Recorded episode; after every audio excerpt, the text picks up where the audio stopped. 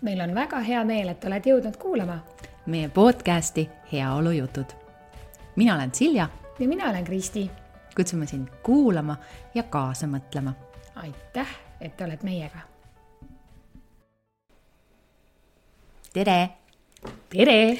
meil on täna üks tore päev, sest et meil on jälle külaline ja meil on täna külaliseks äh, mina ütleks üks vägev mees. ma tahtsin just öelda vägev mees. no näed. mul isegi kingitus oli mõeldud niimoodi, et vägevale mehele. väga äge. Hannes Võrno, tere tulemast. tere, aitäh kutsumast ehm, mina küsiks nüüd niimoodi, et ma alguses mõtlesin, et oh, on ju nagu mees nagu orkester, et nii palju asju oled teinud ja sind teatakse nii väga, ma arvan, erinevatest asjadest ja asjadest, asi ei ole üldse hea sõna, on ju, erinevatest tegevustest, ent äh, räägi, kuidas sa praegu iseennast kirjeldaksid või tutvustaksid üldse, kui sa kuskil oled, et mis mees sa oled? noh, ma, loodan, et ma ei, ei riku teie, ei riku, riku seda saadet kohe, kohe alguses ära, aga, aga ma pean tunnistama, et, et ma olen seda küsimust kuulnud vist kõige rohkem üldse oma elus. see ongi arusaadav. see on üks levinuim küsimus, et mis sa siis praegu teed või kes sa selline oled. ja teine on see, et kas te Kreisi raadiot tegite purjus peaga, et need on nagu kaks asja, millele ma olen vastanud umbes viiskümmend miljonit. aa, no väga hea, me siis seda teist küsimust ei, ma just küsisin, siis küsime teise ka kohe ära jah, mõlemad on ei mõlemad vast-, ma proovin, ma proovin seda kiuslikku saatekülalist teha, kes ütleb hästi lühikesi vastuseid ja siis jaa, ei. aga vaata, see on ju, see on ju hästi loomulik, et inimesed seda küsivad, sellepärast et ma hakkasin just ise mõtlema, et no, no kust ma sind siis nagu kõige rohkem tean ja siis ma mõtlesin, et oli üks saade, küsiti küsimusi, inimesed võitsid raha, et mingi miljonäri saade. päris meelde ei tulnudki, et mis selle nimigi nüüd oli, et kes tahab, kes tahab saada miljonäriks, oligi oli. ja see oli ju iga pühapäeva õhtu. ja mõtle, kui inimesed on harjunud, et nad näevad iga pühapäeva õhtu Hannes Võrnat. Kristi, kas see vist ei olnud mõned aastad tagasi? see oli ikka väga palju aastaid tagasi ja nüüd, kuna ongi nagu pildilt äh, selles mõttes noh, ikkagi üsna ära kadunud. inimesetel sa oled ikkagi meeles, nad tahavad teada, kus kadusid, miks? no televisioon on, on selles suhtes üks niisugune mm, niisugune huvitav äh, koht, huvitav žanr. et äh, seda, seda spordiga või, või siis äh, tippspordiga või tippkultuuriga võrrelda ei ole sugugi ülekohtune.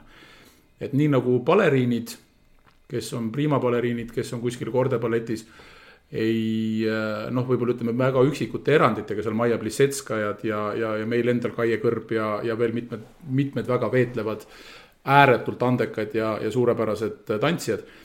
siis, siis noh, suurele enamusele nendest inimestest äh, ei ole antud niisugust äh, jaksu seda kõike teha, et see on nagu ballett. see on nagu sport, et ma võin olla võib-olla neljakordne olümpiavõitja, aga viiendatel olümpiamängudel on mul valik, et kas ma jään kümnendaks või ma ei lähe sinna enam lolli mängima, eks ju ja, ja ausalt öeldes on tegelikult äh, minu lugupidamine nende inimeste suhtes, kes töötavad televisioonis ja ka raadios muide kes tunnevad ära selle õige hetke, millal on, millal on see niisugune nii-öelda noh, millal sa oled see, kes, kes tuleb uksest sisse ja kõik vakatavad ja, ja vaatavad, et nii, mis nüüd siis saab, eks ju. ja, ja ei jää ära ootama seda, seda hetke, et, et mis nüüd edasi saab, et selles mõttes noh, jah, see küsimus, et, et, et mingid inimesed, keda me oleme harjunud siin või seal nägema, nad kaovad ära aga ega meil ausalt öeldes ju rahvana või, või siis ka rahvusena ei ole ju mingit sellist suurt eristumisvõimet, et me ütleksime, et et me teame, et see inimene on praegu hetkel noh, et ta enam televiisoris saateid ei tee, et ega me väga ei tea, et kas ta on haigeks jäänud või üldse ära surnud või, või minema kolinud siit riigist või jumal teab, et et noh, kadunud siis kadunud, noh, et inimestesse suhtutakse meil ju praegu nagu, nagu sokkidesse või autovõtmetesse umbes, et no ma ei tea, noh, et kui on kadunud, siis ma ei tea, ma helistan teenindusse, saan uue või, või et, et, et äh, et ju see on niisugune mingisuguste mitmete asjade kombo, et, et ma olen täna, tänaseks nüüd juba siis mitmed aastad otsustanud, et ma ei seo ennast televisiooniga. ma olen seal, noh, ma olen seal teinud täpselt seda, mida ma olen tahtnud teha. et ma ei ole kunagi trüginud televisiooni nui neljaks sooviga saada saatejuhiks ja saada kuulsaks ja olla tuntud nägu tänavatel, kellele järele vaadatakse. et see ei olnud nagu minu soov sellepärast, et ma ei võtnud endale kätte, et ma nagu nui neljaks alustan telemaja nõudepesijana ja siis hakkan vähehaaval stuudiosse kohvi juba viima ja ühel hetkel hakkan noh, nii-öelda siis kellelegi pabereid ulatama ja noh, ja siis kahekümne aasta pärast olen ka ise saatejuht, nii nagu see telekarjäär üldiselt nagu valdaval enamusel on, eks. Et minu soov oli see, et kui ma lähen sinna telesse uksest sisse, siis ma tahan olla kõige kihvtima saate, kõige kihvtim saatejuht ja saada kõige rohkem pappi see õnnestus. jaa, absoluutselt, sellepärast et minu eeskujuks oli, suureks eeskujuks oli Urmas Ott, ma üldse ei varja seda. ja, ja mulle meeldis tema suhtumine oma töösse, iseenda väärtusesse ja teistesse inimestesse. ja see, kui Urmas Otti peeti kõrgiks või, või üle, üleolevaks või nii või naapidi, siis, siis ma ei ma ei pea paljuks öelda, et võib-olla ma tunnen midagi sarnast, et see on lihtsalt see, et paljud inimesed ei tunne või ei oska näha ega aru saada. et äh, meie hulgas liigub neid, kes on äh, nii-öelda projectorid või siis need peegeldajad. et kui sulle tundub, et keegi on sinuga kõrk või, või ülbe või äkki ta on natukene uhke või nipsakas, siis vabandust, siis sa seisad ühe suure peegli ees. ja, ja ma arvan, et Urmas Ott oli üks, üks niisugune peegel ja, ja võib-olla see, et ma olen äh, ma olen väga paljudes kohtades leidnud ennast mõtlemas samamoodi nagu, nagu ma arvan, et võib-olla mõtles Urmas Ott, siis ma arvan, et, et ma tean oma sisemist äh, headust või selles mõttes leebust ja inimeste armastust ja, ja kõiki neid selliseid nii-öelda ka positiivseid külgi. aga ma ei lähe neid äh, laotama kuhugile porisse või, või tänavale või kellegi jalgade ette, sellepärast et, et kui ma näen, et seda see koht ei ole õige, see aeg ei ole õige või need inimesed ei ole selleks valmis või siis, siis no miks ma pean seda tegema. et ma jah, ma ei häbene öelda, et ma tean, mida ma väärt olen ja ma elan selle järgi, et see on hästi lihtne. mul on, mul on niimoodi lihtsam elada ma arvan, et äh, see ei ole isegi mitte ainult see, et see on lihtne, vaid see on tegelikult väga austusväärne. et sa tead täpselt, mida sa väärt oled, sa tead, mida sa soovid ja sa tead, mida sa oled nõus tegema et natukene isegi selline heas mõttes kadestamisväärne, et kui sa oled sinnamaani jõudnud, sa tead täpselt, mis sa, mis on sinu väärtus, ütleme niimoodi. kuidas sa jõudsid selleni? või on see kohe alguses, ütleme sünnist saadik niimoodi olnud, et Hannes teab, Hannes on selline mees või on selleks pidanud läbi käima mõned äh, keerulised äh, teed? ma arvan, et see on koht, kus mul on äh, aus ja viisakas öelda, et ma olen oma vanematele tänulik, oma isale-emale sellepärast et mina siia ilma sündides või ilmavalgust nähes ei ole kordagi kogenud seda, et ma oleksin oma vanemate täitumatute unistuste või või, või mingisuguste välja elamata emotsioonide niisugune noh, mingi mängukann, et noh, et umbes, et ema tahtis iluuisutajaks saada, isa tahtis poksija olla. et siis ma poksin uisud jalas, eks ju, vanemate rõõmuks, et, et, et õnneks minu vanemad on, on, on, ema elab, isa on surnud et minu vanemad on olnud minu lapsepõlve kasvamise ajal äh, minu tegevust toetavad ja minu tegevusse väga hästi suhtuvad. sellepärast, et, äh, et no ju ma siis, ju ma siis kuidagi, ju ma siis kuidagi neid asju, mida ma teha armastasin, tegin nagu kirglikult või kirega. ja sellesse nad ei sekkunud ja see oligi nagu hästi hästi-hästi tore minu jaoks, et jah, ma ütlen, et see on tänu vanematele, et mul on mul on see teatud niisugune enesekindlus, et mind ei ole, mind ei ole painutatud kellegi, kellegi järgi midagi tegema, et ma ütlen oma emale-isale aitäh. mis need tegevused olid siis? mul oli neid tegevusi äh, selliseid, et ma noh, see on teatud, teatud aeg, kui poistel hakkab sihuke testosteroon möllama, siis sa ju noh, kuidagi noh, see oli see aeg, praegu on ju kõik noored ei pea üldse ebanormaalseks seda, et sa võid oma, oma klassiõdedega kinno minna ja kallistada ja kõik on nagu väga okei okay ja see ongi väga normaalne aga siis, kui mina olin ikkagi koolipoiss, siis meil oli ikka nagu see, et kui sa ikka nagu tüdrukuga juba nagu koolipeol kasvõi kaks tantsu tantsisid siis oli juba nagu kõigil ninad koos ja juba sosistati ja no ühesõnaga kuidagi, et see kõik tehti selliseks, see kõik tehti selliseks niisuguseks nagu salapäraseks, aga, aga selle taga oli niisugune noh, kuidas ma ütlen, et siis nagu elu lihtsam oleks, siis noh, ma läksin noh, peotantsu tantsima sellepärast, et et, et, et ilusate tüdrukutega saaks tantsida niimoodi, et keegi ei hakkaks nagu õiendama, vaid et saaks lihtsalt õpiks tantsima. väga tark mees, ütleks mina et õpiks nii-öelda tantsimise ära, aga saaks ühtlasi ka selle tüdrukuga, kes mulle väga meeldib, nii-öelda tantsida nii, et kellegi asi see ei ole, on ju, et sihuke nagu lihtsalt strateegiline lüke, eks ju siis mul oli muidugi, oli ja on ka praegu ilmselt piisavalt edevust, et ma õudselt tahtsin olla laval ja esineda ja kõike seda teha. ja sellepärast ma käisin teatristuudios väga toreda juhendaja juures väga professionaalne õpetaja, Moskva KIT-ise lõpetanud Valdur Liiv ja väga andekad inimesed, kellega ma seal koos olin, üks näiteks Rainer Sarnet, režissöör, filmilavastaja, kes on teinud need Eesti minu meelest viimase aja kõige kihvtimad filmid üldse. et ma väga austan oma pinginaabri ja, ja koolikaaslase Raineri eh, siis nii-öelda tegevust, et mis ta, mis ta filmimaailmas teinud on, eks.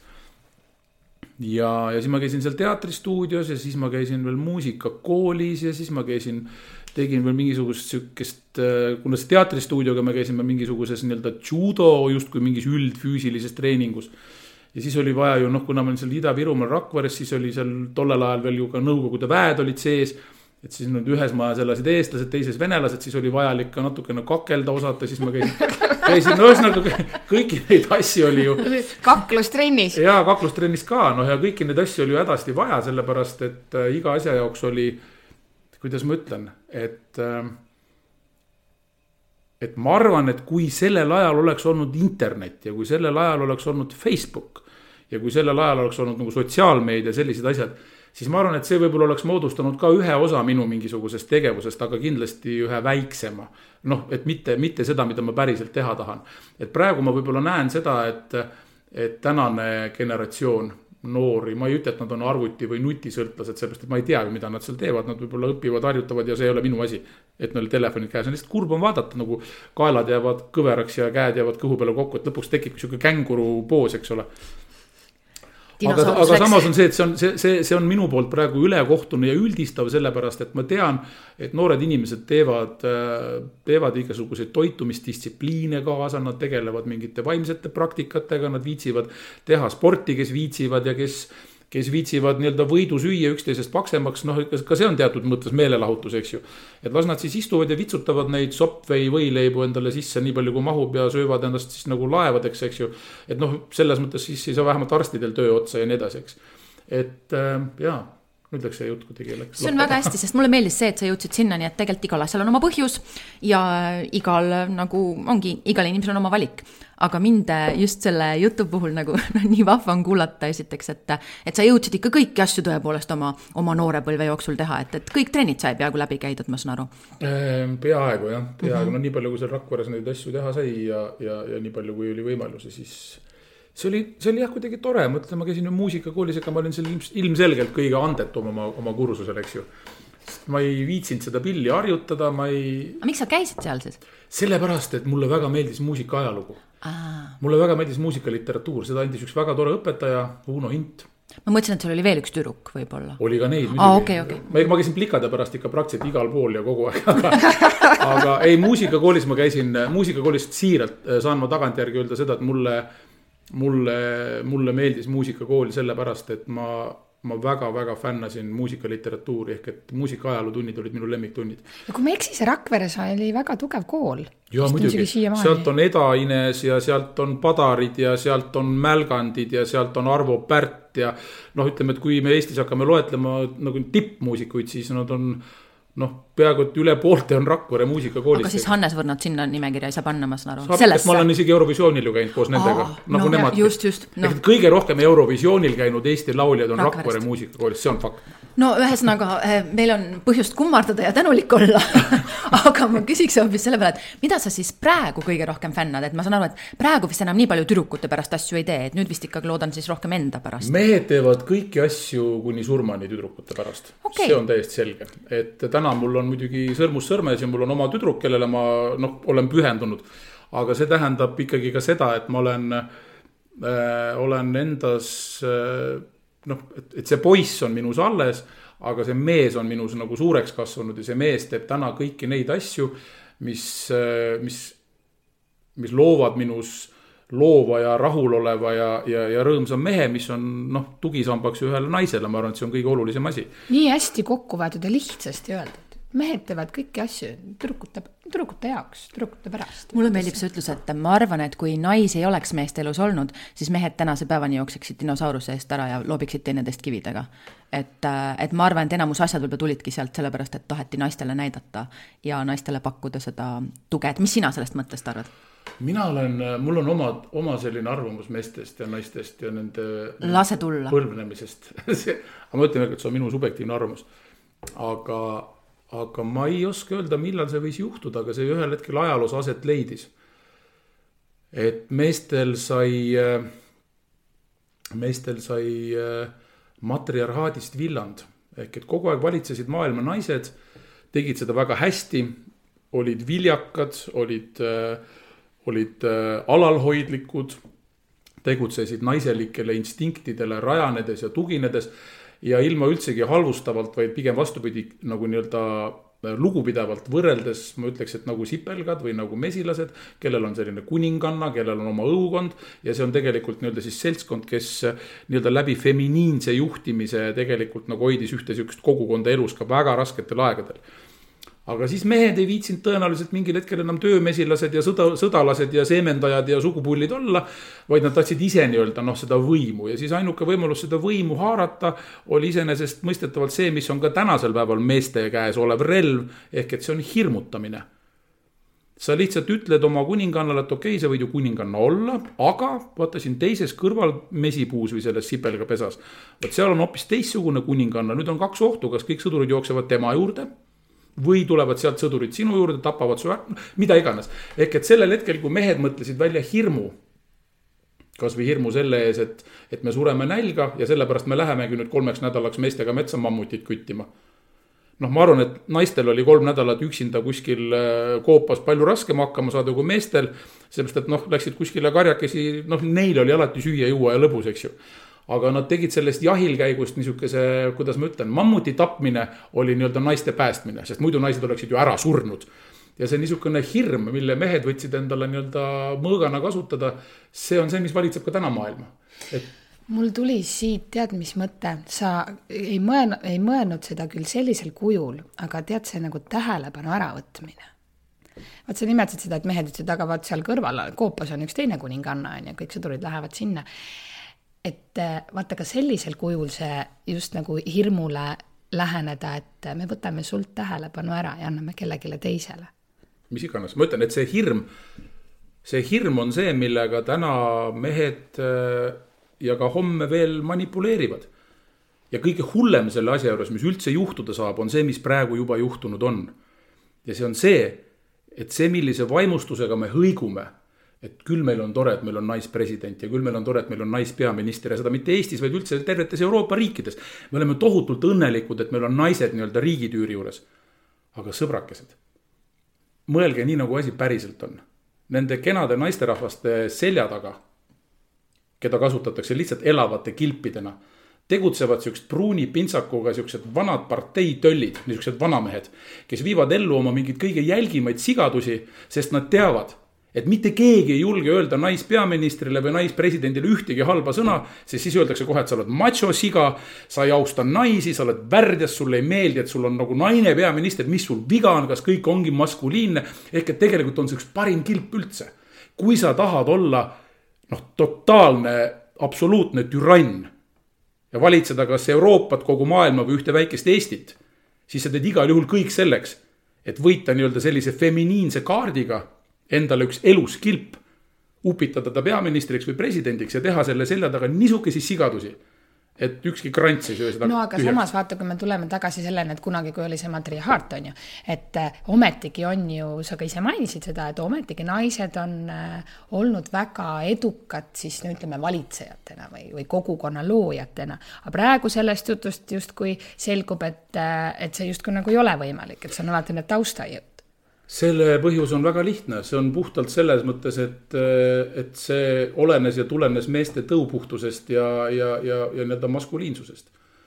ehk et ebardeid ja, ja, ja selles mõttes nagu suguvõimetuid ja igasuguseid õnnetuid mehi oli lihtsalt ühel hetkel mille tõttu iganes, kas oli siis mingisugune perekonnasisene või mingisuguste geenide noh, nii-öelda siis nüüd samal saarel elavate inimeste omavaheline paljunemine viis lõpuks ikka selleni, et, et tekkis, tekkis olukord, kus, kus oli vaja värsket verd ja siis loomulikult värske veri kõndis ju ise juba kirves seljas või mõõkvööl kuskile teise kohta ja, ja külvas seal oma seemet, sellepärast et. et, et ega ühegi sõdalase jaoks ei ole unistus midagi võidelda või valitseda, vaid iga sõdalase unistus on see, et ma ei pea toitma äh, muidusööjaid.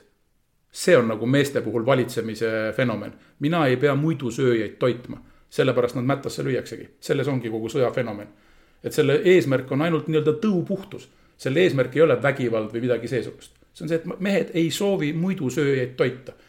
ja see on täna kandunud tegelikult väga paljudesse ühiskonna poliitilistesse ja muudesse vormidesse ja ma arvan, see on see põhjus, miks miks on jõutud sinnamaani, kus nii-öelda mehed omavahel teevad täpselt seda, mida sa kirjeldasid, et ajavad üksteist nii-öelda taga kirvestega ja, ja, ja või võrdlevad, eks ole, saunas, kellel on, kellel on külmem õlu see oli äh,, külmem õlu oli väga hea lõpp sinna juurde ähm,. aga tulles selle kõige suure teema juurest, et äh, kuidas, kuidas maailmas on, kuidas sina tunned, et äh, mehel suhtes kuidas mehed suhtes on, et milline on sinu arusaam sellest, kuidas mehed ühes, mis iganes suhe see siis on, mehe mehe, naise nais-, mehe naise vahel, kuidas iganes, et mis on mehe roll suhtes ja siis võib-olla räägid äkki oma rollist suhtes, nii palju, kui sa oled nõus meile avaldama, et eh, kes on Hannes suhtes? ma mõtlen siis romantilises suhtes praegu. mehe roll äh, laiemas plaanis äh, ühes suhtes on äh,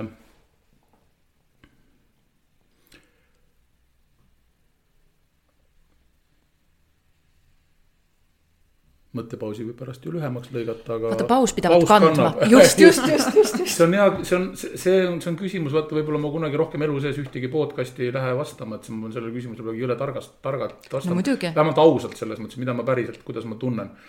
ja see, et milline on mehe roll suhtes, siis ma arvan, et äh,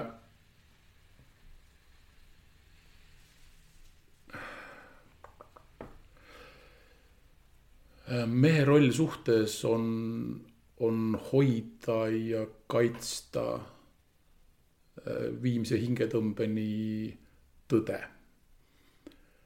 ehk tões elamine ja tõe rääkimine on ilmselt üks, üks, üks olulisemaid, üks olulisemaid asju iseendale. iseendale tõe rääkimine, iseendale tõe tunnistamine ja see on, see on mehe roll suhtes ja sellest, sellest mõtteviisist või selles mõttes, et iseendale tõe rääkimisest ja tões elamisest äh, sünnib, äh, sünnib tegelikult väga positiivne tasakaal, sellepärast et naised oma mängulisuses, oma, oma sellises loovuses, oma niisukeses äh, imelises kunstilisuses ja kõiges selles Nad peavad natukene petma ja natukene nii-öelda noh, looma mingisugust niisugust teatud sellist noh, intriigi ja kõike seda. sest see teeb neist, see teeb neist naised, see on nagu, see on kuidagi, see käib selle juurde. ja see saab olla tasakaalus ainult sellise mehega, kes pakub sellesse suhtesse nii-öelda tões elamist või seda tões olemist. et siis on see nagu nii-öelda olemas, et see, et see, ma ei räägi, et naine valetab ja mees räägib tõtt, et siis on okei okay.. vaid ma räägin sellest, et, et mees iseendale ei valeta. Et ükskõik millest ta jääb iseendale, iseendale lihtsalt kindlaks ja, ja teine asi muidugi, mis on see, et et üks mees saab olla äh, suhtes äh, toeks, kui tal on, äh, kui tal on ettekujutus ja väga selge arusaam sellest, mida ta sellest, mida ta sellest suhtest ajapikku nii-öelda saab. ja sellepärast mulle meeldis minu esimese, esimese, esimese nii-öelda siis kaua ja õnnelikult kestnud suhte juures, mis tänaseks kahjuks on oma otsa leidnud või selles mõttes, et lapsed on suureks kasvanud ja teed on lahku läinud. aga selle suhte alguses oli hästi armas, et minu toonase, toonase kallima isa ütles, et äh, vaata hoolega minu abikaasat. et see, mida sa kahekümne aasta pärast näed oma, oma voodis või oma söögilaua taga, et sa saad täpselt sellise. et, et, et noormehed peaksid vaatama oma, oma tulevase ema hästi hoolega ja tüdrukud peaksid vaatama oma tulevase isa hästi hoolega, et sa tegelikult pead arvestama sellega, et paarikümne aasta pärast sa saad täpselt selle mehe. et täna ta aitab sul kasuka selga ja, ja, ja toob sulle voodisse kohvi aga kahekümne viie aasta pärast istub ta pult käes teleka ees ja seda sealt püsti ei saa ainult, kui tal tuleb pisshäda peale, eks. aga kas sa usud sellesse tõepoolest, et inimesed ei muutu? Sest et see, mis ma praegu sinu käest kuulen, on see, et, et isegi kui inimene on aitab praegu mul siis ütleme selle piltlikult selle kasuka selga, on ju, et siis ühel hetkel ta enam ei liiguta. kas sa arvad, et siis selles hetkes see inimene mängib mängu, ei ole aus või, või siis ta muutub kellekski teiseks aja jooksul no, või, või mis, mis, mis seal taga on? ma ütlen ausalt, et ma ei oska nendel, nendel suhteasjade teemadel väga, väga kaasa rääkida, sest et see tunne on täna nii ja homme naa ja kui ma vaatan, vaatan iseennast või vaatan oma, oma mõningaid lähemaid sõpru ja mõtlen, et kuidas ma sellele küsimusele vastates. noh, kust ma selle tõe nii-öelda üles nokin või millest ma juhindun, et mida ma välja ütlen praegu.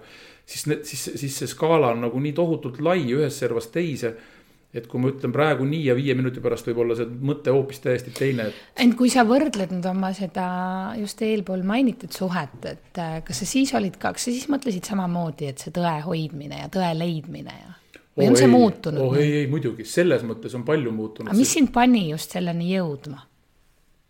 muutumiseni või? pani muutumiseni, pani siis see, et ma sain ju aru ühel hetkel, et, et mul tekib see, mille nimel ma olin pingutanud ja, ja rabanud hullumeelselt, hullumeelselt tervise ja, ja, ja suhte enesehinnaga tööd teha, et noh, rahakott oleks ikka nii paks, et ei mahu põue ära ja, ja pangast helistataks kord nädalas, et kuulge, konto sai täis või mis iganes.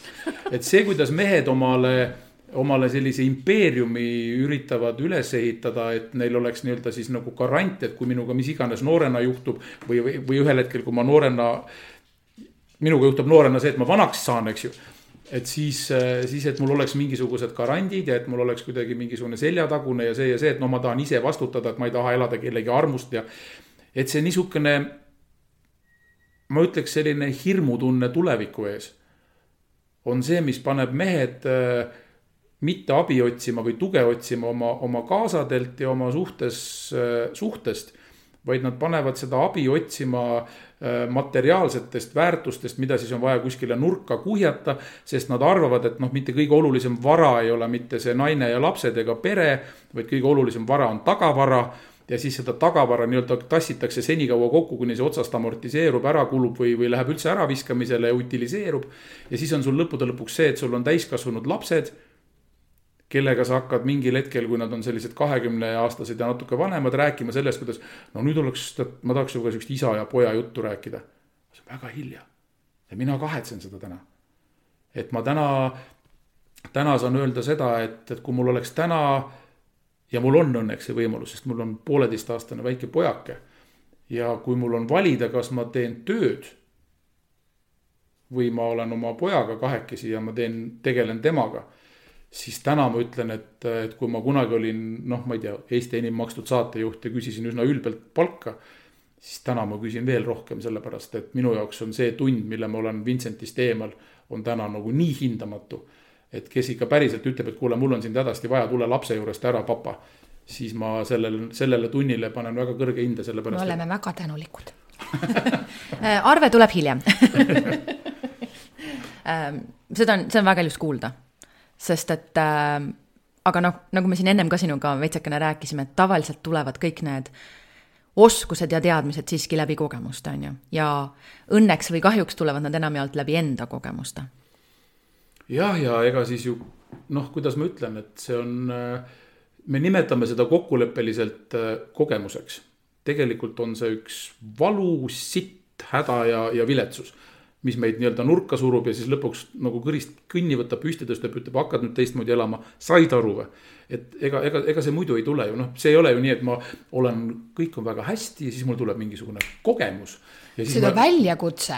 just, et siis mul just ja siis tuleb mul mingisugune huvitav kogemus ja siis see kogemus muudab mind nagu veel lahedamaks. ei, ei tavaliselt on see ikka mingi pankrot, läbipõlemine, kokkukukkumine, tervise tagasilöök, mis iganes, et see on nagu laks, ma olen eluaeg seda mõelnud ja, ja, ja paari väga, väga, väga aruka ja tore, toreda inimesega seda teemat ka nagu arutanud, et miks see nii on, et. et, et mitte kunagi ei räägi mitte ükski inimene seda, et teate, et me istusime sõpradega ümber laua. meil oli seal musta kalamarja, meil oli seal punast kalamarja, Dom Perignon voolas ojadena, metsikult ilusad naised olid seltskonnas lahes põlesid mingid tohutud lühtrid, kõlas meeletult hea muusika, Frank Sinatra ise laulis meile. ja siis ma kohtasin Jeesust. ta tuli minu juurde, ütles, vaatan vana, et sul läheb väga hästi, kuule, kas sa ei tahaks blablabla bla, bla. ma ei ole ühtegi sellist lugu kuulnud, küll aga neid lugusid, kus inimesed on haiged, suremas, vangis, ma ei tea, mingisuguses viletsas olukorras. ma olen kunagi küsinud seda peapiiskopit endalt, et miks Jeesus ei tule kunagi sellistele bankettidele ja pidulaudadele, mis ta seal vanglaid mööda kooserdab et miks ta läheb mingisuguste mõrtsukate ja tapjate ja vägistajate juurde, ütleb, et kuule, vana, ma tulin sinu meelt muutma sind parandama. et miks ta ei lähe näiteks mingisuguste väga hästi möllavate mingite pankurite või noh, praegusel hetkel nii-öelda elektrimüüjate juurde, eks ju. väga põnev, mis ta vastas? ta ütles, et, et küll ta jõuab igale poole või midagi sellist minul on kusjuures, kui tohib, siis mina jagan oma mõtet selle kohta. ja mina arvan, et tegelikult ta käib ka seal bankettidel lihtsalt seal bankettidel on nii, et seal on nii palju seda punast karamarja ja valget või seda äh, musta kalamarja ja kõike, valget võib-olla ka, ma ei tea äh,. seda kõike on nii palju, et äh, ei märgata seda, seda väikest pisikest asja, seda detaili. ja siis, kui hakkab jääma vähemaks seda kõike nõndanimetatud maiset head, siis äh, võib-olla tuleb pisut rohkem seda mitte nii head sinna juurde, siis võib-olla hakatakse natukese otsima ja märkama ehk siis tegelikult meil seda pakkumist, et vaata seda muutust või seda nõndanimetatud kogemust, vaata seda, see on kogu aeg olemas. aga kui meil on seda maiset head nii palju, siis ei ole ju vaja märgata, sest et siis ma sõidan sellest üle. aga siis, kui ühel hetkel enam seda maiset head ei ole ja sa oled seal nõndanimetatud poris, on ju, ja siis, kui sulle käsi ulatatakse, siis sa võtad selle vastu sest et siis on sul juba kaks varianti, et kas sõidab järgmine auto üle või astub keegi peale või siis võtad selle ühe väikese käekese, mida sulle ulatatakse, võtad vastu. ja selle tõttu ongi see, et kui meil on nii hea, siis ei ole ju nii äh,, nii lihtne seda, seda veel mingit uut sammu üle, mul ei ole vaja, mul on nii hea, miks ma teen midagi? ja mulle tundub, et inimesed eriti nagu praegusel ajal kuidagi otsitakse just neid äh, mitte nagu kogemusi, aga väljakutseid väga populaarsed on kõiksugu väljakutsed, võib-olla nagu trennimaailmas torkab see rohkem silma või toitumismaailmas, aga et eks need väljakutsed panevad meid, inimesed tahavad mingit muutust. ja siis see paneb justkui nagu kasvama. lihtsat muutust, kus väga palju tegema peaks. ei tea, eks nii, vaata, siin on nüüd erinevad, eks, et kes tahab sellist, osad ju tahavadki tegelikult panna ennast rohkem ikkagi ka päris proovile ma arvan, et see on võib-olla, ma ei taha nüüd kellegi õhinat kuidagi kustutama asuda, aga aga ma arvan, et see on nagu ajastu või ajamärk, ehk et ma olen kindel, et, et eks need niisugused äh, muutuse ihalused ja, ja, ja muutmise soovid on tegelikult saatnud inimesi ju kogu aeg, noh, ilmselge on see, et ajal, kui veel autosid ei olnudki Eestis, noh, vähemalt inimestel kasutada nii-öelda igal, igas peres neli tükki. et siis ju käidi kuskil, kas siis kõrtsis või kirikus käidi hobusega ja no ma arvan, et selles mõttes oli üsna, üsna, see, see, seda saab ju muutuseks nimetada. kui, kui peremees ütleb, et kuule, nüüd ma võtan selle saaniteki asemel kaks kasukat ja lambanaha hoopis, et siis mul on soem sõita. noh, see tegelikult on see kõva muutus, ma ei taha enam seal ree peal külmetada, kui ma kõrtsist tulen. ma võtsin ette ja ma muutsin midagi või et ma lähen kõrtsi ja ma käin ainult neljapäeviti kõrtsis ja vot ma enam vot selle mingisuguse tüübiga ühes, ühes lauas ei istu ja vot enam kortlit viina ära ei joo, vaid joon hoopis õlut, eks. et need kõik on sellised muutused, tänapäeval on lihtsalt see, et me oleme nende valikuvõimaluste keskel kimbatuses, et mis meid originaalseks ja silmapaistvaks teeb, sest meil on tegelikult tohutu tähelepanuvajadus. me vajame tunnustust ja kui me üksteist seda, üksteist kuidagi tunnustada ei jaksa, siis me otsimegi kohati isegi natukene võib-olla isegi infantiilsusse kalduvat niisugust tunnustust. et me istume ringis kuskil, teeme kõik okei okay,, nüüd oleme kõik joogad, paneme silmad kinni. no sellest kümnest inimesest kahel võib-olla tõesti kuskil peas mingi niisugune marmelaaditüki suurune mingi sihuke sumin on, eks ole. aga ülejäänud lihtsalt hambad ristis mõtlevad, huvitav, kaua ma siin pean neid silmi kinni hoidma. kas mul kurat, mul kurat, mul surevad jalad ära, aga noh, ma ei saa ju liigutada ka, et ma, ma pean seda siin ju tegema, eks ju.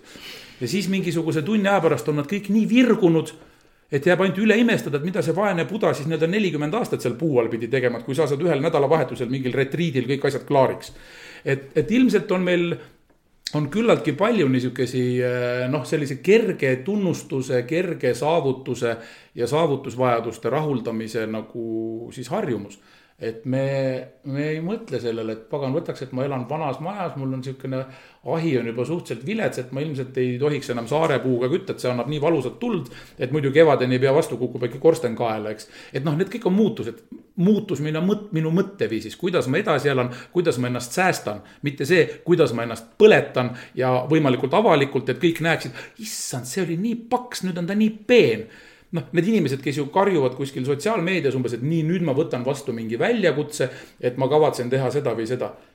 tee seda vaikselt. no siis keegi ei tea ju. ei, see on see, et sa ei usu iseennast sest sa tahad, et keegi nagu teaks, et sa võtsid mingi otsuse vastu ja äkki sa muidu ise nagu libastud, aga siis noh, kuna sa oled teistele lubanud, et siis sa ei taha teisi alt vedada, vabandust, see on sinu tervis. see on sinu heaolu aga sa kardad teisi alt vedada, noh, aga ma ei taha ju, et keegi hakkab mind mõnitama, ütleb, et no, no ise lubasid poole aastaga, ma ei tea, pool tonni alla võtta, aga nüüd pole siin midagi, sööb siin saia, saia kõrval, eks. et äh, ja me oleme muutunud vähem iseseisvateks. me ei suuda, me ei suuda enam, me ei suuda väga paljud, väga paljud, ka mina vahest, ei suuda iseseisvalt mõelda, et sa, et sa lood endale iseseisva mõtlemise asemel, lood sa enda ümber hästi turvalise ruumi sa lood enda ümber turvalise ruumi inimestest, kes nii-öelda aitavad sul seda iseseisvat mõtlemist nii-öelda kuidagi kompenseerida. sest nad räägivad sinuga sama juttu, nad on sinuga nõus, nad teevad sinuga samasugust sööki. Nad kiidavad, kui hea on sinu mis iganes vege või, või, või getodieet või, või, või kui head muusikat sa kuulad või kui lahedaid harjutusi sa teed või mingeid praktiseerid. et see kõik on nii imetore, et, et et las need trendid täna olla et tegelikult on ju see, et see kõik ju niimoodi noh, loksub nagu see maailmameri, eks ju. et kui, kui selles maailmameres on täna noh, inimene ütleb, et okei okay,, et noh, et ärme viska mitte midagi merre, sellepärast et siis noh, muidu, muidu juhtub merega midagi, vabandust. et ükskõik, kas see maa on lame või ümmargune, siis nagu kuus seitsmendikku sellest on nagu, nagu vesi, suur maailmameri. ja siis tuleb kuskilt mingi uus pipi kuskilt Rootsist, kes ütleb, et, ma tean, kuidas me selle ära puhastame. no hakka pihta hakka pihta, alusta nendest maskidest ja nendest ühekordsetest kõrtest, mida ninna topitakse, nendest testidest ja kõigest. et see nagu miljardid tonnid ühekordset plastmasssodi, mida praegu toodetakse aasta pärast seda, kui me õppisime restoranides läbi makaronimorssi jooma, eks ju. noh, et, et kuhu me nagu jõuame, et see on nagu nii totaalne totaalne nagu lollus. ei no absoluutselt ja kui me räägime elektriautodeks ja kõik siis, mis seal on, äh, kõik need akud, mis sinna pandud, mis nendest saab ja, ja nii edasi. ärme nendest. ärme nendest räägi, ma küsin retriidi kohta. sa mainisid nüüd seda retriiti, et inimesed seal käivad Mi, mina tean, et sina oled ka nendel retriitidel käinud. mida sina sealt leidsid? ma leidsin sealt endale absoluutselt uue mina, ma, ma kohtasin seal inimest, keda ma arvasin, et, et ma ei näe mitte kunagi ja ma räägin iseendast et need olid, need olid hirmud, need olid ebakindlused, need olid tohutud maskid, see oli iseendale, iseendale luiskamine, mingite kujutluste loomine. ja siin ma teen ilma igasuguse liialduseta oma, oma väga kalli sõbra Raivo Johansoni ees äh, maani kummarduse, sellepärast et, et ainuüksi raamatutest, mida ta mulle ütles, näe, võta see, loe seda, loe seda, loe seda, et need on minu jaoks olnud enamikus elu muutvad raamatud. tahad sa jagada mõnda raamatut? hea meelega, üks on näiteks Neil Donald Walshi Jutuajamised Jumalaga, kõik need neli osa. see on minu elu muutnud raamat, täiesti tõsiselt. ehk et minu suhet religiooni, äh, loojasse, äh, minu enda suhtesse sellesse kõigesse, surma, elusse, armastusse, kõigesse, kõigesse. ja, ja seal on veel, seal on väga paljud raamatud, mis on, mida ma olen just Raivo kaudu nii-öelda, mis on minu kätte sattunud kõikvõimalikud äh, meeste, mitte, ma ei nimeta neid eneseabiõpikuteks, vaid need on nii-öelda meeste lood, mida, mida siis ausad mehed on ajanud äh, või vajanud jagamaks teiste meestega ja need on olnud õpetlikud ja väga kasulikud. et jaa, minu jaoks on olnud need retriidid sellised, kus ma, kus ma ütlen küll seda, et, et, et ma olen neist ainult äh, ma olen sealt saanud ikka väga võimsaid laenguid. et sina olid siis üks nendest kümnest, kes sai selle marmelaadi? raudselt jaa, kindlalt kohe jah, et ma arvan, et ma sellel, nendel meesteringidel, kus ma käin, tal, mis Raivo Johanson on korraldanud. siis ma arvan, et seal saab ikka kümnest mehest üheksa saab ikka nagu oma laksu kätte. et, et seal on, kuidas ma ütlen, et nendes aga kas see algul oli, ütleme, et, et enne kui sa sinna läksid, siis äh, sa ju päris täpselt ei teadnud, kuhu sa lähed, oli see natuke hirmutav ka? ei, ta ei olnud hirmutav, see oli pigem selline, et ma ma läksin sinna ikkagi ju nii, et ma, et ma noh, ma olin ju näinud linnapildis äh, mõningaid selliseid nii-öelda vaimsete praktikatega tegelevaid mehi ja minu jaoks nad olid kõik siuksed kuradi klounid, et selles mõttes nagu mingid õunaseemnetest G-d rippusid kaelas ja mingist kuradi kella, kellajuhtmed ümber käte seotud ja pidžaamad seljas. kes kiilakas, kes habemik, niisugune nagu kuradi, no, no päriselt, see oli nii piinlik seltskond minu jaoks. vaatasin, mõned üldse ei pese ennast ja noh, sihuke nagu noh kuidagi see tundus, et see on sihuke rääbakate kari, et noh, ilmselt naised on nad maha jätnud, et nad omavahel siin käivad ja keerutavad ja ajavad mingit umbluud, eks ju. Ja ma läksingi täitsa kindla teadmisega, et okei okay,, ma lähen sinna meeste joogasse Raivo juurde ja kui seal on midagigi, mis mulle nagu vastu hakkab. et ma olen selles mõttes enda vastu aus, et ma lihtsalt tõusen sealt mati pealt püsti ja marsin ilma head aega ütlemata uksest välja, ongi kõik. aga selle kõige esimene kokkupuude ja see esimene nii-öelda siis esimene meeste jooga, kus ma Raivo juures käisin neli aastat tagasi. see pani sellise puraka, et, oh sa taevas, hoia taevast ja maad kinni. et see oli ülivõimas. mis seal juhtus? No nii hästi, kui sa kirjeldada saad muidugi. seal juhtus, seal juhtus see, et, et ma ei ma ei kirjeldanud enam neid mehi nagu objekte, kellega ma koos olin. vaid ma kirjeldasin neid nagu ühte subjekti, mees, kelle hulka ma ka ise kuulun. ehk et see tekitas sellise võimsa ühtsuse tunde. et see polnud mitte see, et siin on mingid kümme meest, kümme ego, kümme kihvti kutti, kes loovad mingisuguse mehe energia. vaid ma tundsin seda, et ma ei pea neist, ma ei pea kaugemale vaatama kui ainult nende silmadesse et mind ei huvita, kes on pikk, kes on lühike, kes on paks, kes on peenike, kes on kiilakas, kes on habemik, kes seal on, no kes on joh, rohkem või vähem mingi jooga või mis iganes. et see energia, mis seal tekkis, oli, oli, oli selline maskuliinne meesenergia ja see oli nagu üks konkreetne meesenergia, mille osa olin ka mina et seal ei olnud nagu kuskil mingisuguseid erisusi või kuskil mingisuguseid, nii nagu sa praegu joonistavad seda koroona, seda mummu, millel on need ogad küljes, eks. et ja, et see oli hästi võimas et selle, selle, selle tunde pealt, äh, kui ma sealt esimesest meeste jooga uksest välja astusin. ja seal, seal selle jooga käigus juba tekkis ühel hetkel see tunne, mõtlesin, me olime seal kuskil Pärnu maantee seal selle pesas, seal viadukti juures. Siis mingil hetkel tegime seal ühte mingit harjutust, mis oli selline nagu noh, seal oli niisugune mees testosteroon oli õhus, et see oli täiesti pöörane siis mõtlesin, et kujutad ette, kui praegu peaks õues keegi naisterahvas hüüdma appi. no ma ei tea, mis iganes, mingi narkar kisub tal käekotti ära midagi siukest. siis ma kujutasin ette, et kui need kümme pulli siit uksest välja jooksevad. et siis nad teevad selle päti pulbriks ja noh, see pulber puhutakse ka õhku laiali. et noh, et see, see, see testosteroon oli nagu, oli nii räigelt võimas. ja, ja see oli kihvt ja, ja teine muidugi oli see, et, et sellised, sellised meestelaagrid, meeste asjad nad laevad, nad laevad need mehed seksuaalselt täiesti kosmosesse. et see on meeste seltskond ja seal ei ole, seal ei ole nii-öelda mingisugust sihukest. noh, paljud arvavad, seal käivad mingisugune, et seal on mingisugune väikeste gei assotsiatsioonidega, et noh, keegi tuleb sinna võib-olla peikmeest otsima, eks. aga, aga ei, see on, see on, see on, seal möllavad nii võimsad hormoonid ja, ja see, see, mida, see, mis nagu see mehe kehas käivitab. See on nii pöörane, et ma mäletan, kui ma tulin esimesest meeste väelaagrist tagasi, mis oli Äh, kuskil Pärnumaal kolm päeva. siis, siis mu naine ütles selle peale, et kui need laagrid niimoodi mõjuvad, hakkad sa seal iga nädal käima pool nädalat oled ära. et äh, ja, et see, see, see, see, millise, see, millise paugu ja puraka ta sulle paneb mehena et sa ikkagi tõsiselt sõna otseses mõttes nagu noh, ikka lõhud magamistoa ka ära, et see on nagu. no vot, naised, pange nüüd kõrva taha. saatke oma mehed äh, Raivo juurde väelaagrisse, sealt, äh, sealt tulevad sugupullid tagasi, see on päris, see on, see, see, see toidab meeste energiat äh, väga õige kütusega, see on nagu see, et sa paned nagu vormel ühele päriselt õiget kütust, mitte ei hakka seal mingi üheksakümne viiega susima, eks. no mina täiega sellesse usun ma tulen korraks veel selle juurde tagasi, et äh, sa just ennem elavalt kirjeldasid, kuidas sa nagu ennem olid sellesse seltskonda suhtunud, mis sa arvasid. ja ometigi sa võtsid ette selle tee ja läksid sinna joogasse. mis sind nagu viis üle selle lävepakku, see esimene kord enne, kui sa veel ei olnud tundnud seda vägevat testosterooni seal?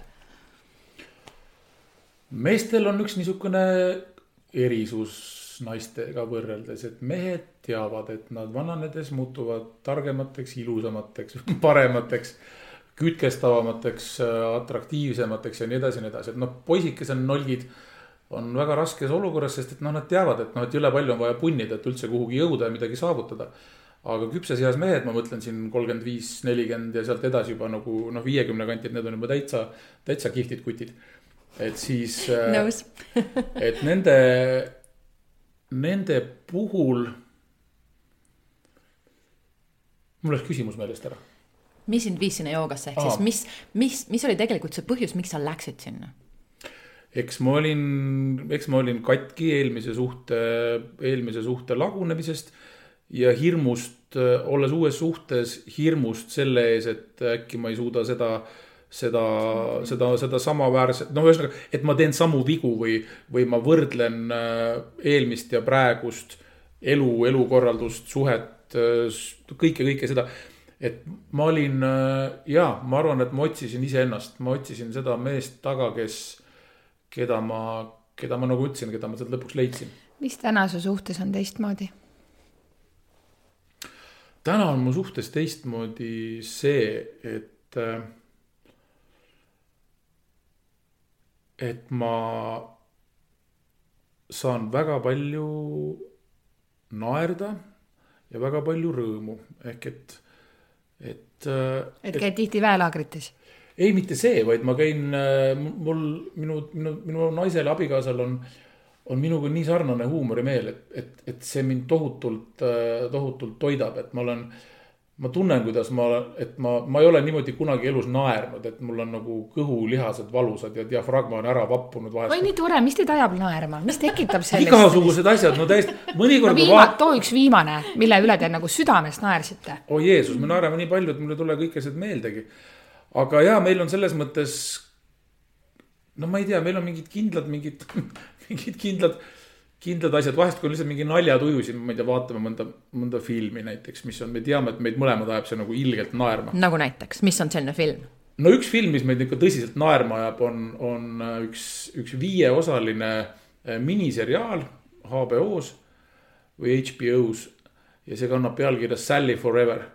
see on Briti, Briti komöödia.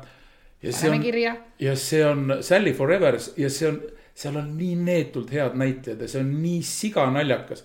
et sa vaatad, sa tunned ära iseennast, sa tunned ära oma sõpru, sa tunned ära inimesi, keda sa nagu tõsiselt nagu ei kannata silma otsaski. ja sa tunned ära inimesi, keda sa väga armastad ja milliseid sa nagu tahaksid enda ümber näha. ja see on, see on selline, no see, see niisugune inimtüüpide galerii on niisuguse väikese osatäitjate mängu juures ja nii hästi tehtud, et et äh, jaa, see noh, see on, see on tõsiselt naljakas, see on, seal on väga palju sellist, mis on, mis ajab, mis ajab naerma. ja, ja siis äh, mis veel on teistmoodi, lisaks sellele, et on palju naeru ja kui ma, kui ma nüüd seda peegeldan tagasi, siis mulle kõlab see, et lisaks sellele naerule tegelikult on selline vabadus. jaa, kindlasti ja teine asi on see, et, et ma võin öelda küll seda lootes, et kui keegi minu väga headest kallitest sõpradest seda praegu kuulab, siis mitte keegi ei, võta seda nagu solvanguna või kellelegi ei lähe see nagu hinge, et nad valesti aru ei saaks. aga, aga mu abikaasaga koos tunnen ma ennast, me oleme üsna palju reisida saanud õnneks, enne kui see koroona jama pihta hakkas et ta on äh, minu jaoks ilmselgelt läbi aegade kõige-kõige parem reisikaaslane üldse. üldse üks kihvtimaid naisi, kellega koos reisida, see on nagu täiesti selge. et, et kui meil on, ma ei tea, vaja hommikul, hommikul kell seitse hotellist äh, startida, et jõuda kaheksaks lennujaama, siis noh, mina jõuan minut enne seitset, aga tema jõuab seitse minutit enne seitset, et noh, et ja, ja, ja, ja tal on kõik tehtud ja ta on ilus ja valmis ja sõidame ja teeme ja oleme, et ta nagu ei, ta ei tee oma, oma naiselikkusest nii-öelda numbrit. ta peab kinni lubadustest, kellaaegadest ja kokkulepetest ja see on nagu hästi-hästi sümpaatne, hästi tore, et mida ma saan öelda, et, et see ei ole mitte see, et seal oli etteheide mu, mu laste emale või esimesele siis pikale suhtele, et et ka seal olid omad väga-väga toredad asjad ja, ja seal oli väga palju kunsti ja loovust ja tohutult niisugust rõiva disaini ja seda sihukest moemaailma, see kõik oli nagu noh, see jäi sellesse aega, et seda me tegime seal samamoodi kirega ja ja me olime nii-öelda siis nagu moemaailma sellised partnerid, meil oli, oli see asi kuidagi suur soov inimesi ilusasti riietada ja ja luua mingisugust sihukest nagu välist kunsti, aga praegu on see muutunud selleks, et ma tahaks rohkem nagu sisemist kunsti luua, et oleks nagu lõbus ja ja noh, loomulikult meie väike pojakene on see, kes täna nagu siis on meie äh, spot, highlight ja kõik need muud asjad. kas ma eksin, kui sa praegu, sa maalid ju kuskilt? ja, ja ma maalin praegust, see ongi mu põhiline, põhiline elu, mida ma teen, et, et ma siis, kui see Tallinna Televisioon kinni pandi, sest äh, noh, Tallinna Televisiooni sulgemiseks oli, oli mingi põhjus, mingisugune rahasumma, mis, mis jäi puudu ja see ei olnud noh, nii suur nagu see soojenduspõrandaga vaktsiiniladu, eks ole, noh. et ühesõnaga noh, et see, kuhu tegelikult nagu raisatakse raha ja kuhu kulutatakse ja see, mismoodi keeratakse kinni äh, kraane, kust kust võiks nagu ka ise midagi ammutada, selles mõttes, et noh, et, et, et ma ei tea nagu poliitiliselt lühinägelikumat sammu Reformierakonna poolt, kui nõuda Jüri Rataselt, et pane Tallinna Televisioon kinni, muidu me sinuga a la koalitsiooni ei tee või midagi sellist. et noh, sorry, kui sul on telekanal siis kasuta seda ka oma sõnumi edastamiseks. mitte see, et seal räägitakse juttu, mis mulle võib-olla väga ei meeldi ja paneme selle kinni. et noh, et see on nagu, no ma ei tea, noh, kui sa täna vaatad seda õukonna meediat, siis saad aru, kuhu see kõik jõudnud on, eks. et seda nagu noh, inimesed ju, inimesed varsti enam meid, minu sõbrad ilmselt varsti ei oska nimetada Eesti suuremate ajalehtede nimesid, sest et. sest ma ei tea, kas nad ilmuvad või ei ilmu, sest mu, minu tutvusringkonnas ajalehti äh, ei loeta ja televiisorit ei vaadata, et see on selles mõttes nihuke noh, et sinna ta jõuab et täna, kui keegi ütleb, et kuule, kas sa viimast, ma ei tea, lugesid seda või teist ajalehte, siis mõtlen ei, viimati ma lugesin. Silja, kuidas sinuga on, kas sa loed oh,? ma pole, ma ei tea, ma arvan, mingi viisteist aastat ajalehti lugenud ja, ja, ja uudiseid vaadanud, nii et ja. ma nagu äh.... hästi chill on selles mõttes, et ja see ei ole, ja see on kuidagi noh, ma alguses mõtlesin, kui ma selliste inimestega kokku sain, kes ütlesid, et ma ei ole seda teinud ja seda, mul ei ole televiisorit ja. ütlesin okei okay,, okei okay,, no et nad on siuksed vaimsete väärtustega inimesed, kes õhtul ka tead, ei saa telekat mängima panna, sest noh, vaim kuskil hõljub ringi et pigem, pigem päriselt jah, et see on, see ei ole minu välja mõeldud, see on, kui ma õigesti mäletan, ütles seda äkki, äkki oli see Fred Jüssi või oli see keegi teine, igatahes keegi autoriteetne, tark ja tore mees, kes ütles, et, et see on tohutult, tohutult kurb, et inimesed on harjunud tohututes kogustes meelelahutusega. selle asemel, et oma meel kokku korjata ja, ja olla just nimelt meeleline ja tunnetada iseennast, oma, oma vabadusi, oma rõõme, tervist, naudinguid, kõike seda. et meil on kogu aeg sihuke meelelahutamine, võtame oma meele ja siis lahutame selle nagu osadeks, nagu väike laps peksab lego vasta, vasta põrandat kildudeks, eks ju. et tegelikult inimene ei vaja seda meele lahutamist, vaid pigem vastupidi, et seda meelt just koondada. ja seda võiks, seda võiks pakkuda nii-öelda siis meedia et äh, aidata inimestel kontsentreeruda ja keskenduda ja, ja, ja, ja mõelda ja kõike seda. see on huvitav, sest vaat meelelahutus on olnud ju sinu jaoks just see, mis sind sinna nii-öelda taevasse tähtede sekka viis. mind viis sinna tähtede sekka lihtsalt rahahimu et ma arvasin. läbi sa, meelelahutuse. läbi meelelahutuse muidugi, noh, sest no jumal hoidku, kui sa ikkagi saad mingisuguse saalitäie inimesi kokku ja, ja nad maksavad selle eest raha, et sa lähed lavale ja teed seal nalja, siis on see ju väga tore, eks ju. et see muidugi, loomulikult on see, on see meelelahutus olnud minu jaoks äh, üks selline ja noh, ta on tänagi, ega selles mõttes ma ei, mida ma siin praegu teen siin laua taga, noh, et ega ma ju, ma ei näe siin saalis, noh, saali ega publikut aga sisuliselt ma teen ju täpselt sedasama asja, nagu ma oleksin praegu mingil staadionil ja, ja seal istuks mingisugune, ma ei tea, viis tuhat kaheksasada lahkusulist. ja kas mitte ka kunsti pakkumine ei ole ka tegelikult ju meelelahutus, aga just selline sisemine meelelahutus inimestele. sisemise võib-olla selline väärtuse edasikandmine, edasiandmine. Äh, ja see on, see on kindlasti nii, see on kindlasti nii ja seal on üks pool on veel, et äh, kui ma, kui ma mõtlen näiteks sellele, et äh, noh, Betty Alver on kirjutanud terve hea rea meeletult ilusat äh, luulet. mina olen sellest, kogu sellest tema loom-, loomingust lugenud võib-olla mingi kakskümmend, kolmkümmend luuletust. siis ma ütlen alati endale, et okei okay,, järelikult Betty kirjutas mulle kakskümmend luuletust.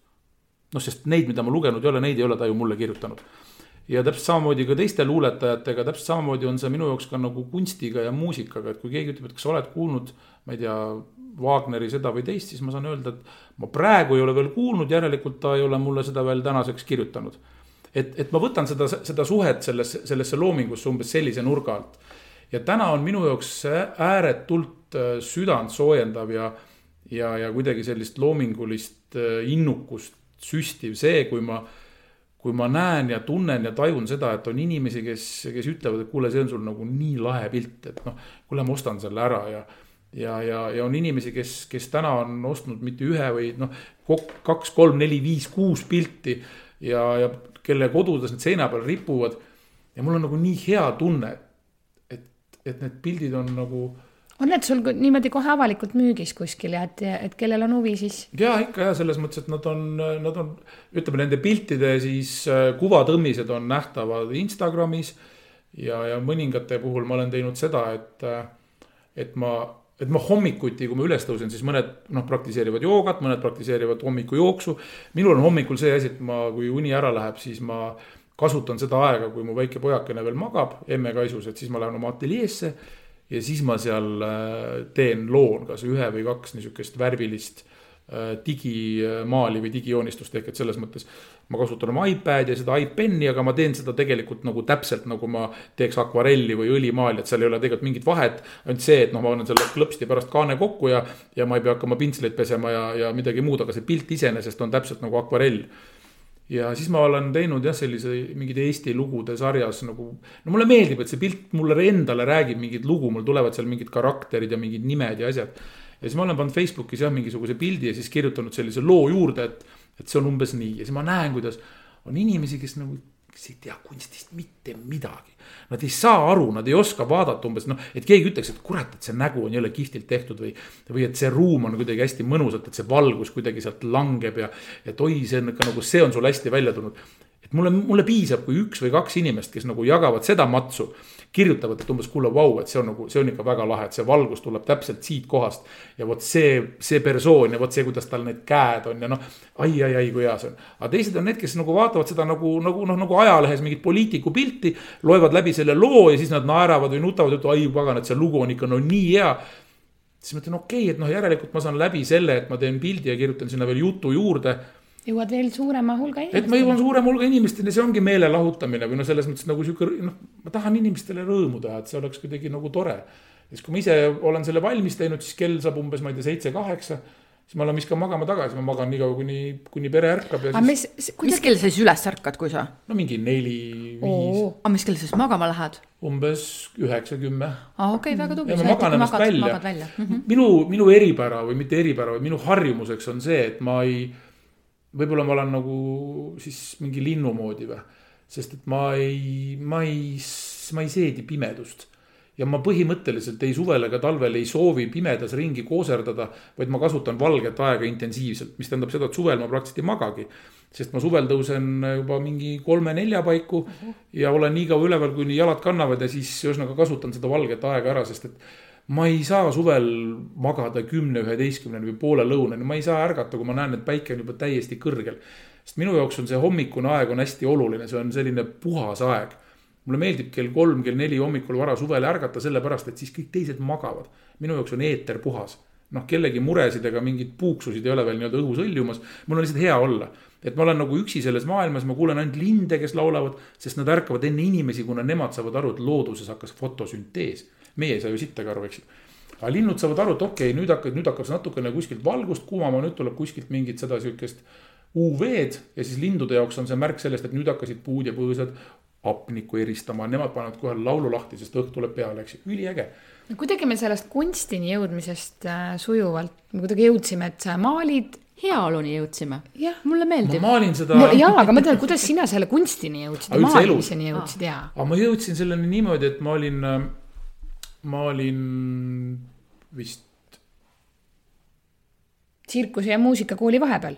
ja, ja ma käisin kunstiklassis ju peale selle, sest et, sest et mulle väga meeldis joonistada. ja, ja mis ma ühel hetkel nagu tajusin, miks mulle täna meeldib maalida ja joonistada tohutult. on see, et ma sain umbes mingisugune, siis kui mul need sellised noh, see kõks nii-öelda ära käis, kui ma seal meestelaagris ja mujal ära käisin, kui ma avastasin, kes ma olen siis ma hakkasin väga palju tajuma neid selliseid sisemisi kõnelusi iseendaga. mingisugused tarkused, mis kuskilt tulid, universumist, kust iganes. ja nendes oli paljudes selline sõnum, mis viis mind kokku selleni, et minu jaoks ei ole, võib-olla keegi, kes kuuleb, ütleb, et see on täielikult psühholoogiline probleem, et äkki peaks minema psühhiaatri juurde. aga minu jaoks ei ole see psühhiaatriline probleem, sellepärast et ma, sest ma täiesti siiralt äh, suudan äh, ennast kokku võttes mõelda ennast vestlema, ma ei tea, Leonardo da Vinci'ga või või, või Vincent van Goghiga, kellega iganes. ja ma lihtsalt vestlen nendega, kui ma mingi pildi taga parasjagu loomingulises tuhinas olen, eks ju. ja, ja, ja ma mäletan ühes sellises nii-öelda minu sisevestluses Leonardo da Vinci'ga ütles ta, sul on kõik eeldused väga häid asju teha, sellepärast et ma tean ja näen, et sa suudad kujutada pintsliga või pliiatsiga kõike, mis on olemas. olgu see siis tunne, emotsioon, ese, mida iganes et see inimene on, on Leonardo da Vinci hinnangul nii-öelda kunstnik, kes suudab kujutada kõike olemasolevat, anna talle A4 ja pastakas ja ütle. ja kunstnik on see, kes kujutab, mis asi, noh, mis asi see on. ja see ei ole selles mõttes niisugune abstraktne asi, noh, et ma võtan mingisuguse lõuendi, viskan sinna ämbriga kollast värvi ja tõmban sinised riibu. ütlen, et see on kajaka unenägu. ja noh, järgmine päev võib ta olla vabalt mingisugune maasikamoos ja siis ühesõnaga mida iganes. Et, et tegelikult sa ei tohi publikut petta, et ta peab aru saama, ilma et sa sinna alla kirjutad mingi keerulise pealkirja. et see ongi päriselt ta vaatab, ütleb, ahah, see vist ongi midagi sellist. et Picasso siis sõltuvalt tema sellisest noh, tal olid üsna sellised, et kriip siin ja täpp seal ja. ja aga selles mõttes, et kõigile naistele, kes Picassole meeldisid, meeldisid need kriipsud ja täpid.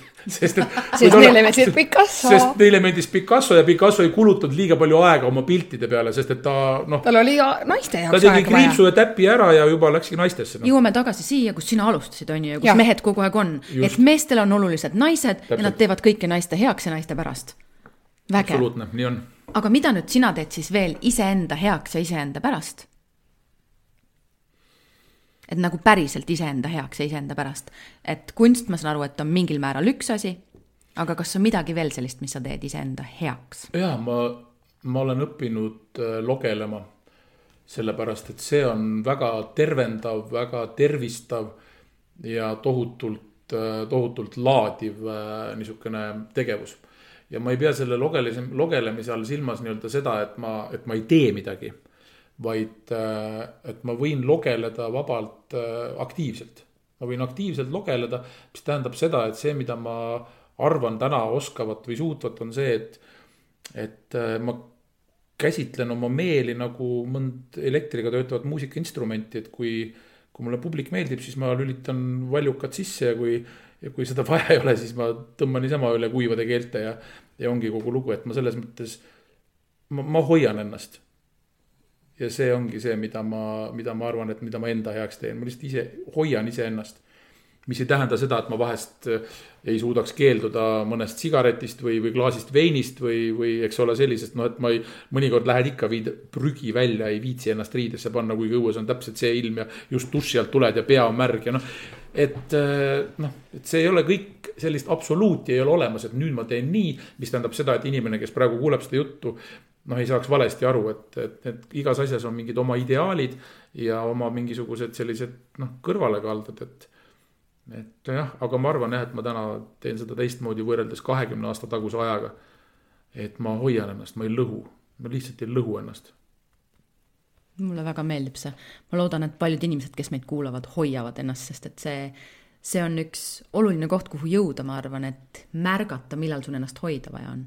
ja, ja see annab päeva lõpus siis nii palju seda, et kes läheb siis naiste pärast asju tegema ja kes teeb meeste pärast või iseenda pärast.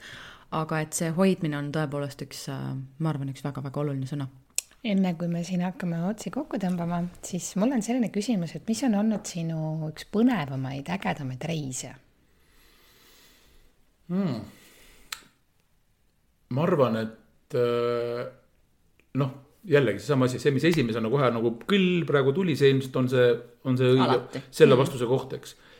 ja see oli üks reis, mis oli, oli äh, Iisraeli, Pühale maale. Silja on hästi suur Iisraeli fänn ja, ja ma arvan, et ma olen Iisraelis käinud mitu korda. ja, ja ma väga fännan Iisraeli ja mulle meeldivad, mulle meeldib äh, nii-öelda Palestiina rahvas sest et seda on nii juudid kui palestiinlased, sest need, kes elavad Palestiinas, on palestiinlased, mitte juudid ja palestiinlased, nad kõik on palestiinlased. et. aga miks sulle Iisrael meeldib, ma küsin siia vahele kohe. mulle meeldib Iisrael A sellepärast, et see Jeruusalemm ja kõik see nii-öelda see, see, see nii-öelda püha maa legendaarne osa on, on religioonist ja kõigest sellesse religiooni puutuvast nii tiine et sa tunned, kuidas su veri läheb paksuks selle kõige keskel, et see on nagu, sa näed nagu nii pühendunud inimesi kõrvuti täiesti absoluutselt mingisugune mäletsevate Coca-Cola mütsides mingite paksude ameeriklastega, eks ju. et sa näed, kui, kui erinev saab olla üks nagu inimmass. ja sa näed seda, milline on, milline on ülisügav pühendumus, et seal keegi ei mängi lolli. et Jeruusalemmas kuskil templimäel ei näe sa kloune, kes noh, tulevad sinna rätsepa istes lihtsalt istuma ja, ja noh, tegema kellegi jaoks mingit mängu et mulle meeldib see see religioonistiine Jeruusalemm mulle meeldib, aga see reis, millest, mille kohta sa küsisid, see on, see oli reis, mille korraldasid ühed, ühed meesteklubi või meesteorganisatsiooni äh, vennad, üks vennaskond, kuhu ma kuulun. Ja see oli väga huvitav reis, ehk et see oli äh, rahvusvaheline erinevatest maailma riikidest oli seal mingisugune kümmekond meest. mina olin siis nii-öelda Eestist, ülejäänud olid väga erinevatest maailma riikidest ja siis oli seal ka mingi kümme juuti. ja meid viidi, meid viidi keset Negevi kõrbe, kus nagu ei olnud mingit sellist noh, elu ega olu ega midagi seal läheduses ei olnud. ja siis, kui see kopter sealt minema lendas ja siis me seal nii-öelda hakkasime oma mingitest kõrbes leiduvatest asjadest ja kamp, kompsudes, mis maha visati, seal olid siis lihtsalt mingid kangad ja tekid ja mingid, no ühesõnaga sealt pidime selle mingisuguse telgi ehitama, kus me pidime paar päeva elama ja, ja süüa tegema ja ja siis see niisugune mm, see võimalus vaadata, mida teevad kakskümmend erinevast maailma otsast erinevad mehed. kui nad on, kui nad on kõrbes, kui neil on kolmeks päevaks teatud kogus vett, kolmeks päevaks teatud kogus toitu. Äh, ja kolme päeva pärast tuleb kopter järgi, no sa oled kõrbes ja sa tead, et päevaeg on viiskümmend kuus kraadi sooja ja öösel on äh, kuusteist kraadi sooja, et see temperatuuri vahe, sa tead, mida see sinuga teha võib. sa tead, mismoodi see su tervisele võib mõjuda, sa tead, mismoodi mõjuvad üldse igasugused ekstreemsed olukorrad. ja sellest läbitulek ja selles kõrbes peetud äh, vestlused ja, ja need kogemused ja see, mis seal oli. ma arvan, see oli üks mu elureisidest, mida ma, mida ma väga-väga hindan kogemuse, kogemuse puhul, jah. see kõige üllatavam seal oli sinu jaoks kõige üllatavam minu jaoks oli see, et, et seal oli üks, üks selline tülgastav ülbuse hetk, mis mulle, mis mulle tundus väga vastik. ja see oli see, et seal meist mitte väga kaugel oli, olid ühed elanikud, kes olid siis palestiinlased, araablased. kes elasid sealt meie sellest laagrikohast mingisugune paarsada meetrit eemal. ja siis üks meie pundi nendest juutidest jalutas sinna nende juurde ja siis natukese aja pärast jalutas tagasi. ja siis sealt sellest äh, elukohast tuli üks vana mees väikse poisiga, sellise suure puust ratastega käruga, siukse raske käruga. ja siis seal käru peal oli mingisugused puuroikad ja mingisugune vana tool ja mingi laud ja mingi see, ühesõnaga ta tõi kodust oma mingisuguse mööbli ära sellepärast, et tõenäoliselt see meiega kaasas olnud üks mingisugune noor juut läks sinna, ütles, et meil on vaja lõket teha ja davai, too puid, eks ju ja, ja siis ja minu jaoks oli see nagu väga valus, et see, kuidas noh, mul ei olnud seal nagu sõnaõigust midagi öelda. siis ma nägin, kuidas lihtsalt sellelt vanamehelt võeti ära see puust käru ja, ja see, need roikad ja see mööbel, mis seal oli. ja lihtsalt siuksed noored, terved, tugevad mehed viskasid selle nii-öelda nagu hunnikusse, mis, mis siis pidi kolm päeva meie lõkkematerjaliks olema ja siis, kuidas see vana mees selle väikse poisiga jalutas kõrbes minema, siis ma tundsin, kelle poolt ma olen ja siis ma tundsin seda, et, et, et, et see oli võib-olla minu jaoks üks niisuguseid tõsisemaid kõnelusi. Äh, siis ma ütleks, ma ei tea, kas ma saan öelda, et ma vestlesin jumalaga, aga ma, aga ma pidasin maha mingisuguse sellise sisemise dialoogi kellegiga, kes ütles, et nüüd sa saad aru, mis asi on päriselt valus. mis asi on päriselt valu, mida, mida mehed üksteisele teha suudavad. et see on mm,, kuidas ma ütlen see on see, kui sa, kui sa ei, kui sa ei mõtle sellele, et, et mehed saavad ka haiget, siis ei oskagi sa võib-olla üldse millestki mõelda, et äh, tegelikult äh, mehed on ju väga õrnad, muidu nad läheks sünnitades katki et selles mõttes õnneks meil on see raske kohustus ära võetud, eks. ja õnneks te ei pea seda tegema. õnneks me ei pea tegema, kui mehed peaks sünnitama, siis oleks võib-olla iive veel madalam, sest me, mehed, mehed läheks katki ära. nojah, vaatame teid vahel kolmekümne seitsme palavikuga, siis on juba natukene teist kahju, nii et ja, ja et, et selles mõttes mina arvan, et mehi tuleb hoida, sest et mehed ongi väga tegelikult nõus. väga, väga heas mõttes nõrgad oma sisemuses ja see on tore, et te olete ja seda on äge näha, et sa jagad ka seda oma, oma hellust ja õrnust enda sees, et, et olles vägev. selleks ongi naised, et mehi hoida. jaa, aga olles vägev ei tähenda see seda, et sees ei võiks olla õrn ja hell. nii et ma arvan äh,, siinkohal on hea öelda aitäh, aitäh, et sa jagasid, aitäh, et sa tulid täna mm. ja aitäh, et sa jagad seda hellust ja õrnust edasi. ja rõõmuga muidugi, kust, kust see maailm seda muidu saab? Nõus, absoluutselt nõus, aitäh, aitäh kuulajad, aitäh sulle, Kristi ja järgmise korrani. aitäh